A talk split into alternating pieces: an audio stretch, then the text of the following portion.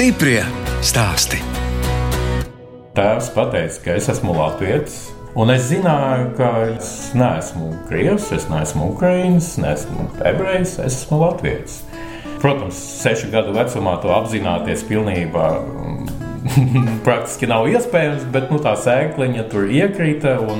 Man ar laiku parādījās tā tāda nostalģija pēc Latvijas. Tur skatījos kaut kādas filmas, kur spēlē latviešu aktieri, un man pilnīgi asaras tecēja. Nepiepildītas ilgas pēc Latvijas. Tā stāsta bitinieks Oto Lodiņš, kas uzauga Ukrainā jauktā ģimenē un latviešu valodu iemācījās jau dzīvodams Latvijā. Es, žurnāliste Daina Zalamane, šoreiz ciemojos Bauskas novada Iecavas pagasta Rāmritos. Oto vecstāvs arī Oto Lodiņš savulaik dzīvoja Kuldīgas pusē, bet Oto juniors, kas šoruden ar inovatīvu produktu medus suflē piedalījās Rīga Food izstādes inovāciju stendā, izauga Kīvā. Man tēvs ir Latvijas, kurš pats piedzima Ukrajinā, jo viņa tēva, mana vectēva, arī Oto Lodiņu aizsūtīja uz Sibīriju un ģimene palika Ukrajinā. Viņš pats bija no kurzemes bēgļiem Pirmā pasaules kara laikā. Kuldīgs vectēvs no dziļiem laukiem no Kuldīgas, Turlovas pagasta. Biju tajā mājā, ir rīktīgi lauki. Tās nezināja ne vārda latviešu. Latviešu kultūras mūsu ģimenē nebija. Es piedzimu Kijavā ar tādu dīvainu vārdu, uzvārdu, Otto Lodiņš. Es biju Ladiņš ar tādu krievu izrunu. Skola, pionieru pilsēta ar kaut kādiem pulciņiem un tā tālāk. Pēc tam, kad es pieaugu, man bija jau 16, es sāku interesēties par vēsturi, par arheoloģiju. Bija pat jauniešu organizācija, tāda neformāla, pa pusi hipiju, pa pusi arheologu, pa pusi vēsturnieku, kuri aizstāvēja vecas mājas no nojaukšanas. Tas bija man tāds pirmais Eh, izgājiens lielajā pasaulē. Man apkārt neviens gandrīz nerunāja ukraiņiski, bet uh, ukraiņu valoda man patika. Un kad sākās neatkarības alkas Ukrāņu tautai ap 80. gadiem, staigāju arī Ukrāņu tautas krēklā pa Hešķatiku un visādi atbalstīju Ukraiņas brīvību. 14 gadu vecumā Oto pirmoreiz ciemojās pie radiem Kuldīgas pusē. Rīgu es pirmajā reizē nemaz neredzēju, un priekš manis joprojām vislatviskākā vieta ir Kuldīga un Kurzeme. Nākamreiz, kad es atbraucu, man jau bija tur ap 16. Es jau iemācījos kaut kādus vārdus, iemācījos līvu dziesmu, dzimtā valoda. Un es atceros, ka es tajos laukos uz milzīga ozola un pilnā skaļumā, pilnīgā vienatnē pats sev vienkārši dziedāju dzimtā valodu pa pusē saprotot vārdus. Principā 19 gados es eh, atbraucu uz šejienu pilnībā ar apņemšanos palikt. Es biju hipijs, es ceļoju pa Padomju Savienību vēl divus gadus, viss kaut kur no Grūzijas līdz Pēterburgai, Maskavai. Nu, tāds ir tik gariem matiem. Jā, jā, jā. Līdz viduklim bija garie mati. Tas bija protests pret Padomju Savienību, pret uh, kaut kādu veco paudžu pelēkumu, laikam tā var pateikt. Diezgan ātri īstenībā aizgāja no hipiju kustības, bet Tas daudz ko man deva, brīvības sajūta un uh, brīvu domāšanas veidu, teiksim tā. Tev nav jābūt rāmjos. 19 gados atbraucu, es apprecējos šeit Latviešu meiteni. Un, um, tā, lai iemācīties valodu, vajag sajusties kā savējais. Pat bija kaut kāda mums ar draugu Latviju no Krievijas arī kurš latviešu jau runāja diezgan labi. Viņi mums pat cita kaut kādi krievu huligāni par to, ka man gansi. Kaut gan es latviešu vēl nerunāju, bet jau bija, bija gans. Pusotru gadu laikā es iemācījos latviešu valodu. Pēc tam es sāku runāt, kad sākās barikādas. Droši vien arī barikāžu laiks palīdzēja šeit šaubām, bez šaubām. Man bija absolūti skaidrs, ka es mācīšos latviešu valodu un, un runāšu latviešu. Dzīvojot Kijivā, bet drusciņi varbūt tāds romantisks skats uz to Latviju. Nepiedzīvojāt arī kaut kādu mazu vilšanos? Nē, absolūti nebija nekādas vilšanās. Tieši otrādi es atbraucu un es sapratu, ka tā ir absolūti mana vieta. Es šeit ļoti labi jūtos. Pie tam bija juku laiki. Ja? Viss mainījās gan tur, gan šeit. No ukrāņiem jums tās brūnās acis? Drīzāk no armēņiem. Man uh, cits vectēvs ir armēnis. Bet visvairāk man ir poļi. Bet jūtaties kā latvietis? Bet jūtos kā latvietis. Atbraucāt uz Latviju, barikādes. Kāda jums bija izglītība? Tehnikums. Specialitāte metāla apstrāde. Bet metāla apstrāde absolūti nebija pieprasīta juku laikos. Rūpnīca taisās ciet, un man nebija nu, ne mazākas vēlēšanas strādāt arī rūpnīcā. Es darīju visu kaut ko no kurinātāja, pasarga. Bet jūs sākumā kāds... palikāt Rīgā? Jā, man bija ģimene, un uh, mēs dzīvojam Rīgā. Pēc tam es aizbraucu uz laukiem. Izšķīros ar sievu. Jā, Lauka mājā bez elektrības Oto nodzīvoja divus gadus, ar zemi un greba koka karotes, vēlāk pusgadu dzīvoja Ņujorkā, pēc tam Indijā. Diezgan ilgu laiku, teiksim, tā es nodarbojos ar to, ka es vedu uz šejieni vai sūtīju uz šejieni visādas smaržkociņus eh, un, un vēl visu kaut ko tirgoju. Tas bija tā kā mazs biznesiņš. Jā, ja? tas, tas bija bizness, jā. Vedu turistu grupas uz Indiju un vēl nesen laik pa laikam vedu jo es ļoti ilgi nodzīvoju Indijā. Kaut kur pie septiņiem gadiem varēja būt. Nu, un uh, iemācījos nedaudz arī, kā gatavot indiešu ēdienus. Man nebija milzīgs naudas, tur, uh, lai visu laiku dzīvotu par restorāniem. Ja tu tur pusgadu dzīvo, nu, tad vajag arī pašam tur gatavot. Indijā iegūtā pieredze Oto Lodiņam noderēja, vēlāk strādājot vairākos restorānos Rīgā. Miera ielā bija tāds puspagrabiņš, paši izremontējām, paši izdomājām dizainu, paši izdomājām visas receptes, ēdienkartes. Tas bija drīzāk pat nevis tikai kafejnīca, bet veģetāra kafejnīca, muzikālais klubs, jo tur trīs dienas nedēļā vismaz bija kaut kādi koncerti. Pēc tam padzīvoju vēl Norvēģijā kādu laiku, strādāju būvniecībā bet arī satiku ļoti uh, labus cilvēkus. Sūtu medus turienē, arī tur ļoti pieprasīts latviešu medus. Starp latviešiem, lietuviešiem, ukrāņiem, poļiem. Diezgan nozīmīga tirgus daļa pēkšņi manis. Apprecējos ar Alīnu. Viņai ir latviešu saknes, bet krievalodīgā ģimenē viņa izauga. Bet mēs savā starpā un ar bērniem runājam tikai un vienīgi latviešu. Viņi atbrauca uz Norvēģiju. Man liekas, ka mēs nosvinējām tur Ziemassvētkus. Un tad atbraucām uz Latviju un, un aizlidojām uz Indiju. Apprecējāmies Indijā pie mana guru pēc visām vediskām tradīcijām. Mums bija gana daudz ciemiņu, pie trim tūkstošiem cilvēku. Un, kad es atbraucu, es aizgāju pa pavāru uz vēl neatvērto restorānu Kamadēnu. Tas ir veģetārais restorāns, kuru mani pazīstamie gribēja vērt vaļā. Un tā sanāca, ka kaut kas tur neaizgāja ar to šefpavāru. Un tad uh, negulēts naktis, atkal recepšu izdomāšana un tā tālāk. Tur stāvēja rindas, cilvēki ēda zupas pie bāra letes, tāpēc, ka vietas nebija pie galdiem. Ļoti laba pieredze, un es daudz, daudz ko iemācījos. Man patīk gatavot. Protams, tur daudz bija nepilnības, tāpēc, ka es neesmu profesionāls, bet cilvēki palīdzēja, un viss bija lieliski. Pēc tam mēs ar sievu nopirkam māju, zemi mēs ilgi meklējam, laukus. Es domāju, nu, ko es darīšu laukos. Ieraudzīju kaimiņu, kuram bija drāva tepat netālu, te 200 metru no šejienes. Un es aizgāju pie viņa, nopirkt medu. Sākam runāt, es saku, grūti vispār ar bitēm nodarboties. Viņš tā nē, es tur vienam tur ieteicu, kaut ko pastāstīju, viņam tagad pāri pa simt saimēm. Tajā pašā gadā nopirku divas saimes. Pirmais mēģinājums bija gana bēdīgs, abas saimes aizgāja pa pieskari pa ziemu.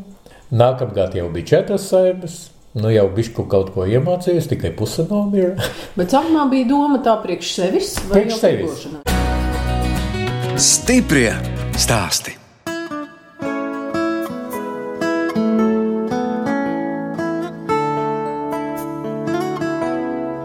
Jūs klausāties raidījuma stipri stāstī. Turpinu ciemoties pie bitenieka Oto Lodiņa, kurš jau astoņus gadus Bauskas novada iecaulas pagasta rāmritos, rūpējas par 50-60 bišu saimēm un konkursā novadu garša par medus suflē saņēmis trīs medaļas.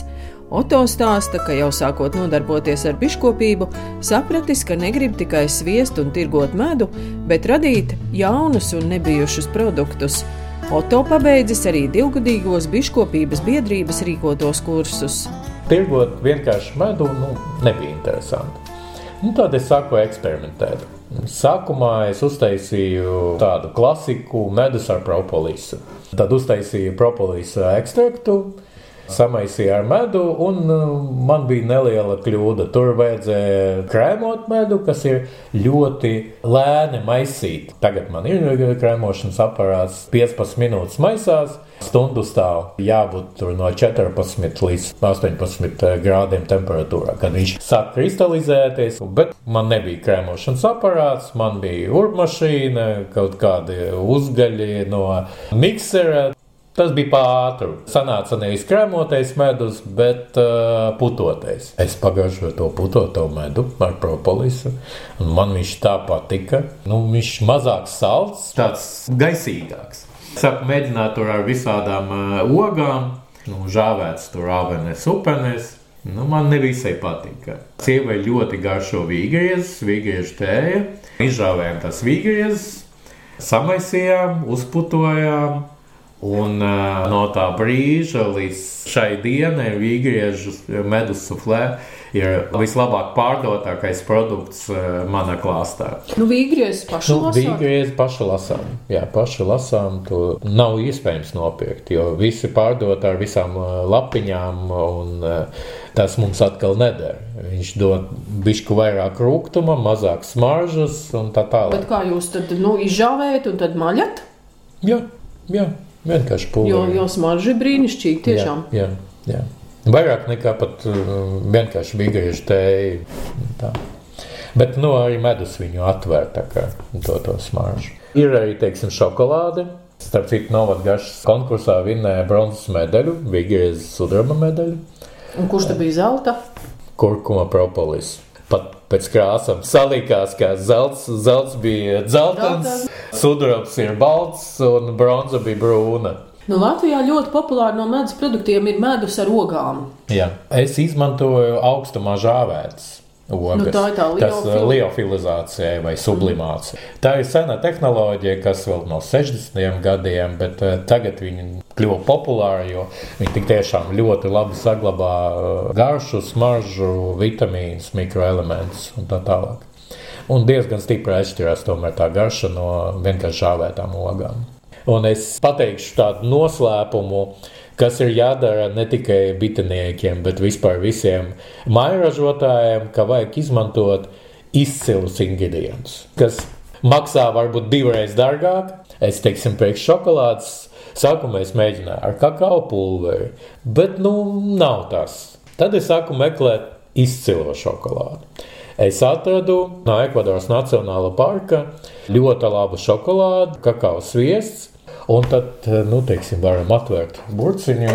Bērni jau gandrīz visu izēda, bet, nu, smarža palika. Bijušā šķūņa vietā tagad uzcelta ražotne, kur medus tiek sviests, putots un fasēts. Skaidrs bija, ka, ja es gribu kaut ko nopietnāk darīt, tad vajag jaunas telpas, tīras, ar lieliem logiem, ar visiem pieslēgumiem, ūdens, ūdens kanalizācija, apkure un, un vēl visādas citas lietas. Nu, Citādēļ PVD nu, neatļaut. Principā es varu to darīt virtuvē. Bet nu, ar tiem apjomiem, kas tagad ir, nu, tas nav iespējams. Vairs. Tās mājražošanas lietas, visas tās dokumentālās lietas, kas tā sarežģīti vai vienkārši? Nē, īstenībā nav, nav nekas sarežģīts. Protams, vajag papīrīšus, čekus un tā tālāk vienā mapītē salikt, tabulā visu sarakstīt, cik tev bija, cik tev ir, cik tev būs bet nav sevišķi sarežģīti. PVD arī ļoti atsaucīgi cilvēki. Pirms kaut ko darīt, piezvanīja uz PVD. Paprasīja, kas jādara, kādas tur uzlīmes, kādi uzraksti, kāda ražošana. Visu vienkārši te pasaka, kā ir jādara, tā ir jādara. Tieši tāpatās ar Eiropas fondiem piedalījos projektā, saņēmu no Eiropas fondiem naudu, pirku gan medus sviedi, gan krēmošanas mašīnu, traktorīti un vēl visu kaut ko. Bet, nu, attiecīgi, tev vajag arī izpildīt visus nosacījumus. Paņem konsultantu, viņš tev visu izstāsta, kā pareizi rakstīt papīrus, bet, nu, tev jāstrādā.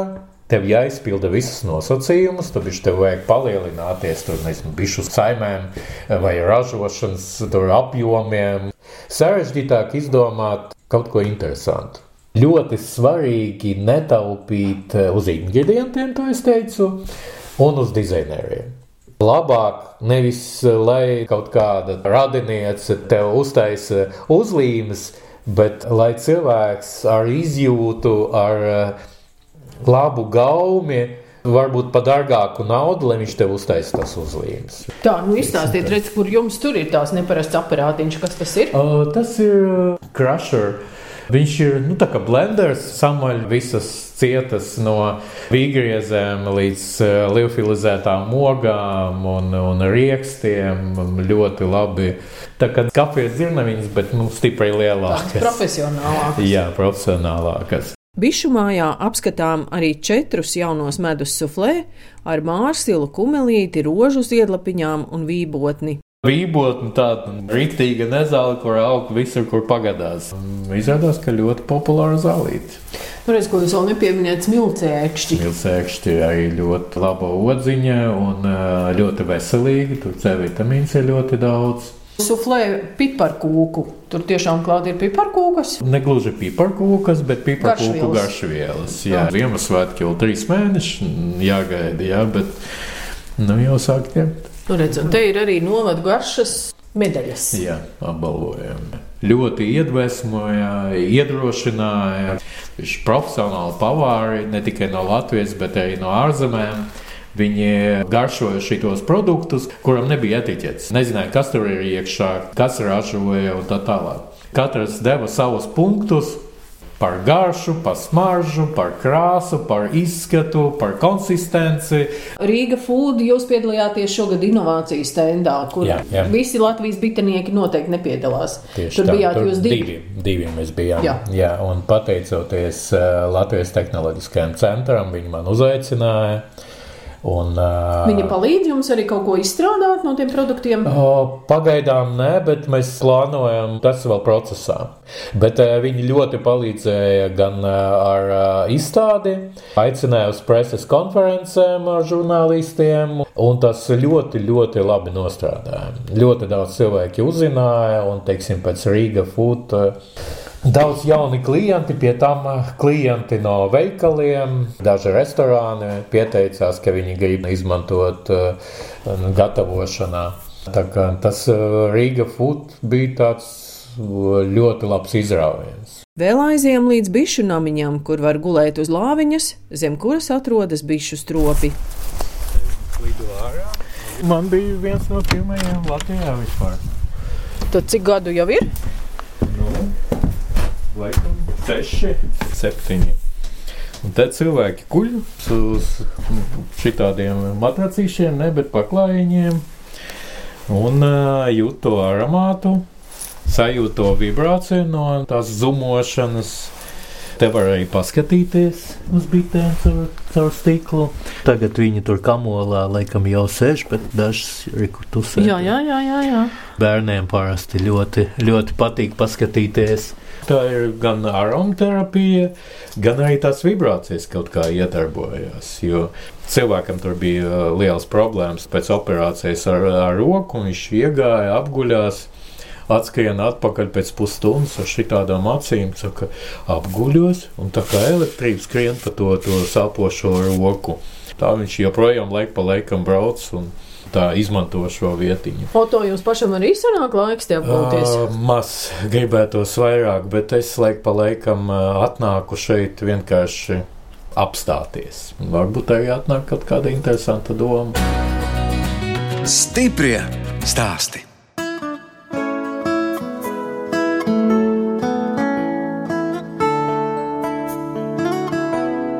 Jūs klausāties raidījuma stipri stāstī. Turpinot ciemoties pie bitenieka Oto Lodiņa, Bauskas novada Iecevas pagasta rāmritos.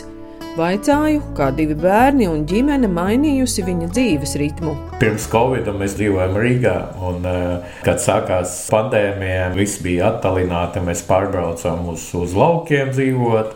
No šejienes strādājām attālināti. Es tur vēl ar nekustāmiem tur kaut ko darīju. Un, uh, Beigās pārlikām bērnus gan uz iecēlas bērnu dārzu, gan uz iecēlas skolu, lai nav jābrauc atpakaļ izīrējām uh, savu dzīvokli Rīgā un, un palikām pilnīgi iecāpnieki. Nepietiek laika izremontēt māju, bet nu, pamazām paši remontējam sākumā. Tagad, teiksim, siltināšanas darbi, saules paneļi pasūtījām un to visu, visu taisām. Mājas nosaukuma rāmriti, tas ir to jūsu. mēs paši izdomājām. Jā. To mēs paši Jo spriežot pēc šī nosaukuma, es teiktu, ka te dzīvo tādi īsti folkloristi. Jā, nu, es arī biju folklorists un, un ilgu laiku dziedāju vilkačos folkloras kopā.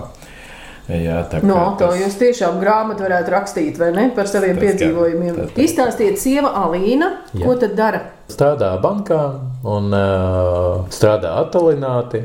Ļoti daudz strādā. Visu nedēļu pie datora, pēc tam sestdienas, svētdienas palīdz man kaut ko rušinās pa dobēm, puķītes, vēl visu kaut ko. Stāstījāt pats izaugāt Kīvā, ka sieva arī nāk no krievu valodīgas ģimenes, un bērniem kādi vārdi - Jānis, Austris, Ieva. Mēs esam latvieši, jo, nu kā latvieši, arī sastāv tur ne tikai sēļi, zemgaļi un latgaļi un, un kurši. Te nāca garām gan vācieši, gan poļi, gan lietuvieši, gan vēl vis kaut kas. Man liekas, ka latviešiem jādomā nevis tautības terminos, bet uh, politiskas nācijas. Visi tie krievi, teiksim, kas dzīvo tepat Latvijā un kas pēc 40. gada, lielākā daļa viņiem jau ir latviešu asins. Jā, bet cik no viņiem ir iemācījušies runāt latviešu? Tāpēc, ka krievu laikā bija populārāk kļūt par krievu. Jo tu vari izvēlēties. Tu vari kļūt par krievu, tu vari kļūt par latviešu, tu vari kļūt par kosmopolītu. Man liels prieks, ka ļoti daudz krievalodīgie viņi atbalsta Ukraiņu. Tomēr. Droši vien jums tāpat ir palikuši daudz Jā, ukraiņu. principā man 24. februārī 5. no rīta bija jābūt Borispols uh, lidostā, kad tur krita pirmās raķetes. Es samainīju uz 25. Es domāju, ka man vēl vajag vienu dienu, un tāpēc neaizbraucu uz Borispolu. Tā es nezinu, vai es te sēdētu. Jā. Tas, kas notiek Ukraiņā, tas, kas bija, bija šausmīgi. Tagad jau ir daudz lielākas cerības, ka viņi vienkārši padzīs viņus no turienes. Es ticu, ka tā būs. Un uh, visa Ukraina tic. Un par politisko nāciju runājot, Ukraiņi izdarīja milzīgu soli politiskas nācijas veidošanā. Kijevā, Harkavā, visa tā austrumu Ukraina, viņa ļoti krievalodīgi, bet viņi tagad lielākā daļa, 90% no vietējiem krievalodiem, viņi jūtas kā Ukraiņi. Tā ir politiska nācija. Neatkarīgi, kas viņi ir ebreji, armēņi, grūzīņi, krievi vai vēl kaut kas. Latviešiem vajag nevis izslēdzošo nacionālismu, bet iekļaujošo. Ja tu runā latviešu, tu esi latviečs. Ja tu atbalsti Latvijas valsti un latviešu vērtības, tu esi latviečs. Nu, bet redz, mēs jau tagad taisamies pāriet uz mācībām latviešu valodā. Nu, beidzot, un es domāju, ka to vajadzēja darīt 90. gada sākumā. Es biju diezgan niksns uz Šadurski pirmkārt, kad viņš sāka tur universitāti, skolu, nu kādas muļķības. Nu, vajadzēja ar bērnu dārzu sākt. Nu, kurš tad sāk mācīties no universitātes sveša valodā? Tu sāc ar pirmo grupiņu. Trīs gadu, četru gadu vecs bērns atnāk, viņš vēl nerunā savā valodā normāli. Mans dēls eh, gāja Zolitūdē uz eh, Latviešu bērnu dārzu. Puse bija krievalodīga. Viņi atnāca, viņi nerunāja ne vārda latviešu. Kad uh, bija jau izlaidums, kā viņi dziedāja latviešu dziesmas, kā viņi skaitīja dzējolīšus, ideāla latviešu valoda. Viņiem abas valodas ir dzimtās valodas tagad jo viņi sāka runāt abās valodās vienlaicīgi. Un tāpēc arī bija jāsaka ar šito. Bet, nu, labi, ka vismaz no tā gala, bet nu, nonācam arī līdz bērnu dārzam beidzot. Tā, Oto, vēl izstāstiet vaļas prieki kādi jums. Pagulēt. nē, nē, nē. Tik traki nav. Ja ir brīvs brītiņš, kur gandrīz nav, tad es vai nu eju pa mežu, sēņot, ogot, vai nu pie bitēm, nu, kaut kas ar dabu saistīts varu pasēdēt, tur pamakšķerēt karusiņus. Bet, nu, darba ir daudz. Brīvais brītiņš ir ļoti rets. Nu, jā, jo tās 50, 60 bišu saimas, tad jūs tur nu, galvenokārt viens pats galvā. Tie. Jā, viens pats. Un arī viss suflē, un viss receptūra, un daudz nepabeigti darbi. No ar ģimeni, ar bērniem, ko jūs kopā darāt? Visu kaut ko spēlējam, lasām, braucam uz kaut kādiem pasākumiem. Bet Tagad attīstības periods un ļoti maz laika, jo daudz nepabeigta darbi un visu vajag paspēt. Bet es ļoti ceru, ka nostabilizēs un varēšu veltīt bērniem vairāk laika. Aizvedu uz skolu, atvedu no skolas un bērnu dārza. Sieva daudz vairāk pavada laiku ar viņiem.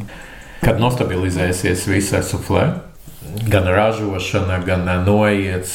Droši vien, ka piesaistīšu kaut kādus cilvēkus, kas arī varētu strādāt tajā visā.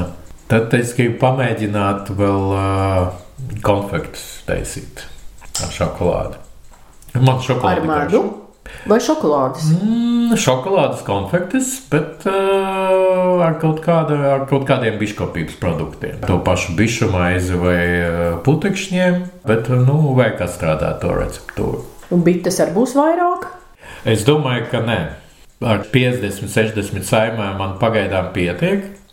Bet, ja tu nevis vienkārši fasē medu un, un pārdod, bet taisi visādus diezgan sarežģītus izstrādājumus, tad ar to laiku tā ir kā ir. Es tomēr gribu, lai tas gala produkts ar pievienoto vērtību viņš ir izcils, ar izcilu izskatu, izcilu garšu, nemainīgu kvalitāti.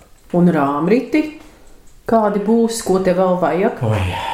Lauku viensēt, tas jau laikam tāds nebeidzams process. Tas ir nebeidzams process. Jā. Sākumā nonesam veco šķūni, uzcēlam jaunu ražošanas cehu. Tagad noņēmam veco siltinājumu māju, liekam jaunu siltinājumu, veco jumtu nonesam jaunu jumtu. Tad vajag pagrabu taisīt, tad vajag sienas šķūni taisīt. Tur visu paslēpt, kas kādreiz noderēs, nu, plus tehnika un vēl viss kaut kas. Nu, un bišku vairāk ceļot. Sen neesmu bijis Indijā kopš 17. gada.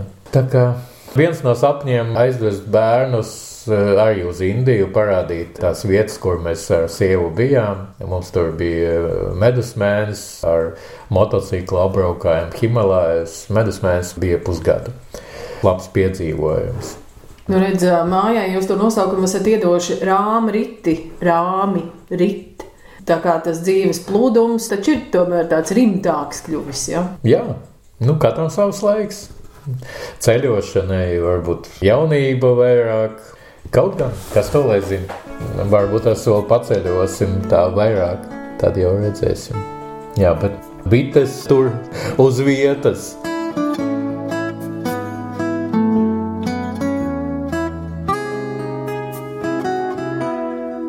Radījums stipri stāstā izskan, un mēs atvadāmies no bitenieka Oto Lodiņa, kas bērnību pavadījis Ukrajinā, tad pārcēlies uz dzīvi Latvijā Barikāžu laikā iemācījies latviešu valodu. Jau astoņus gadus Oto ar ģimeni dzīvo Bauskas novada iecels pagasta rāmritos, rūpējas par 60 bišu saimēm un gatavo inovatīvus medus produktus, medus suflē ar vīgriezēm, vībotnēm, šokolādi un citām sastāvdaļām. No jums atvedās žurnāliste Dāna Zalamane un operātore Inga Bēdelē, lai tiktos atkal tieši pēc nedēļas.